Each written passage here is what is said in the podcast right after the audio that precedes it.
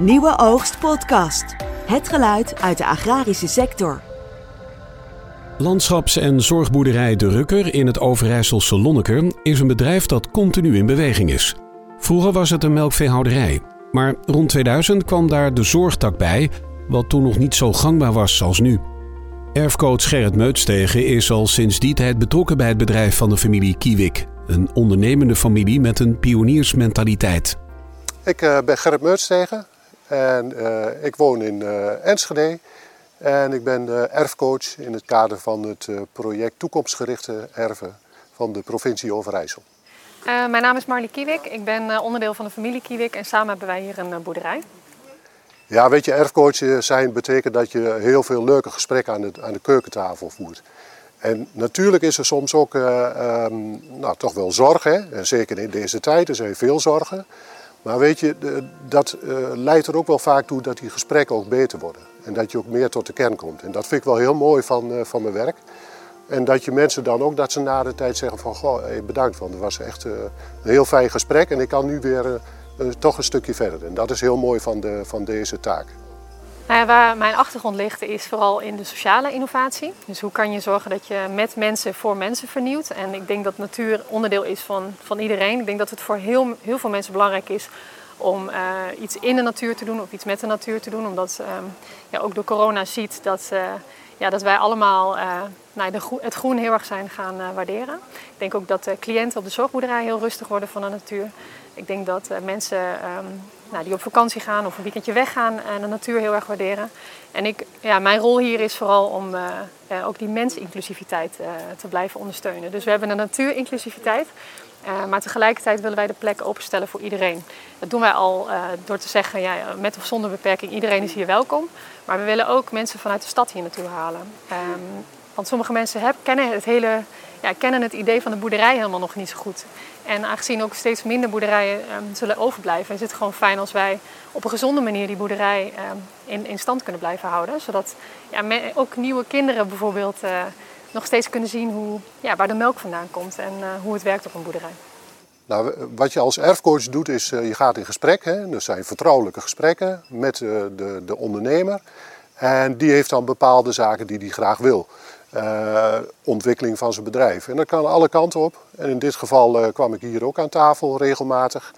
En uh, zie je dus dat je mensen met name helpt richting het overheidsbeleid en ook met name dan in dit geval gemeente.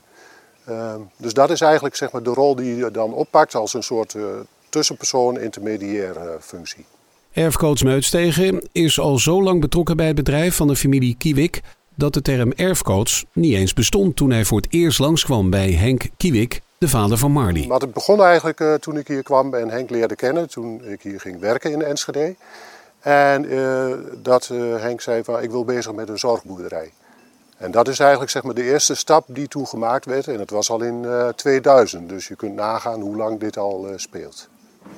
En wat waren de, ja, de grootste obstakels of uh, ja, uitdagingen uh, in die tijd? Nou, wat je heel vaak ziet bij dit soort projecten is natuurlijk dat met name de planologie, de ruimtelijke ordening van wat mag waar, dat is heel bepalend.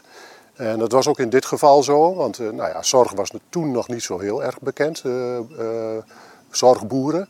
En uh, ja, zo langzamerhand is dat natuurlijk wel ver, steeds verder uh, uitontwikkeld. Maar toen waren we nog een beetje pionieren, of aan het pionieren. En ja, dat betekende dus dat je heel veel gesprekken moest voeren, bijvoorbeeld met de gemeente. Nou, je hebt altijd wel wat weerstand. maar de, de, de, de, kunst is dan om dat zeg maar om te bouwen, om te zetten in een wat meer positieve flow. En ik moet zeggen, natuurlijk is dat ook weer van het plan, hè, dat moet kloppen.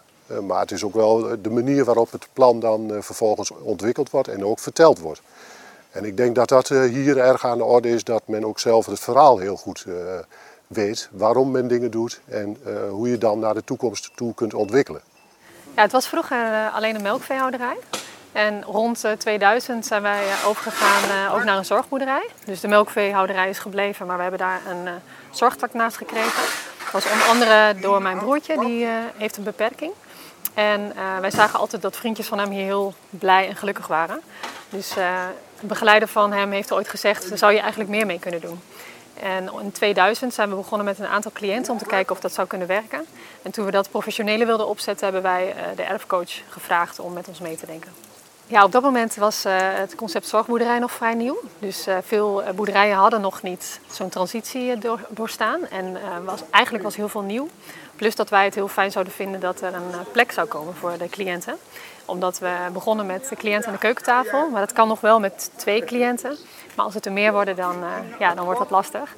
Dus we wilden heel graag een plek waar iedereen zich thuis zou voelen. waar je koffie kan drinken, kan eten tussen de middag. En uh, om dat uh, te kunnen bereiken hadden we dus uh, nou, meer nodig dan wat we hadden. En ook de hulp van een aantal mensen. De Rukker heeft 50 melkkoeien en jong vee. Vijf dagen per zijn er cliënten te vinden die zich inzetten als hulpboer. De familie blijft het bedrijf transformeren. Zo willen ze toe naar een natuurinclusieve boerderij, waarbij de bodem een grote rol speelt. Als extra inkomstenbron willen ze natuurhuisjes verhuren zodat anderen mee kunnen genieten van het landschap. Ja, we willen meer toe naar een natuurinclusieve boerderij. Dat wilden we eigenlijk een aantal jaren geleden al. Uh, en nu met de huidige uitdagingen is het alleen nog maar belangrijker geworden wat, wat ons betreft om dat uh, te doen. Um, maar wij denken dat daar ja, ook wat nieuwe stappen voor nodig zijn. We willen terug naar hoe de boerderij vroeger was, qua land in ieder geval. Want tegenwoordig was, ja, is heel veel, zijn heel veel boerderijen gericht op efficiëntie, maar wij willen eigenlijk terug naar kwaliteit van het landschap. Uh, maar ook bijvoorbeeld het vasthouden van water. Dus niet alleen de biodiversiteit en alles wat je op het land verbouwt, maar ook dat de bodem weer gezond raakt. En dat, uh, nou, dat je ook in droge zomers um, de kans krijgt om je, uh, om je gewassen goed te oogsten.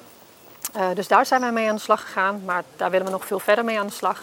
En je ziet ook dat, nou, dat daar uitdagingen bij komen kijken, omdat het verdienmodel daarachter natuurlijk veel moeilijker is. Uh, dan als je gericht bent op grote volumes. Dus wij willen heel graag blijven verbreden. Maar daarvoor hebben we ook uh, nou, nieuwe inkomstenbronnen nodig. Deels komt dat natuurlijk terug in, uit de gewassen die, die je gaat verbouwen. maar omdat het heel bewerkelijk is, hebben wij ook gezegd van het zou heel mooi zijn als je daar natuurhuisjes bij kan zetten. Want dan laat je mensen meegenieten van het landschap. En ze zijn ook een soort van financiële drager voor het instand houden van het landschap. En dat maakt dat je niet zo'n transitie doet en over een paar jaar denkt van het, het lukt niet meer, want je, je leidt verlies op, uh, op zo'n transitie. Maar dat je zeker weet dat als je zo'n stap neemt en je gaat al die investeringen doen, dat je weet dat je duurzaam uh, daarmee bezig kan blijven. Op dit moment uh, hebben wij de melkveehouderij en de zorgtak. En is de melkveehouderij qua inkomsten goed voor 40% en de zorgtak voor 60%. En in de toekomst zal daar dus een, uh, een, tak bij komen. Dat is dan meer de recreatietak. Die zal wel veel kleiner zijn, maar wel een hele belangrijke uh, inkomstenbron om dat landschap uh, te onderhouden. Omdat je de, ja, de grond eigenlijk minder productief laat zijn. Want nu wordt heel veel gras en mais verbouwd. En dat, ja, eigenlijk elk stuk grond is, is daar bijna voor bedoeld op dit moment. Behalve een stuk wat wij ook echt met graan verbouwen. maar in de toekomst willen wij ook wat meer land gewoon ja, natuur laten zijn. En ja, dat, dat is natuurlijk mooi om te zien, maar het levert niet per se iets op. Maar we willen juist daar, naartoe en ook omdat we denken dat, dat je daarmee de grond ook weer gezonder maakt.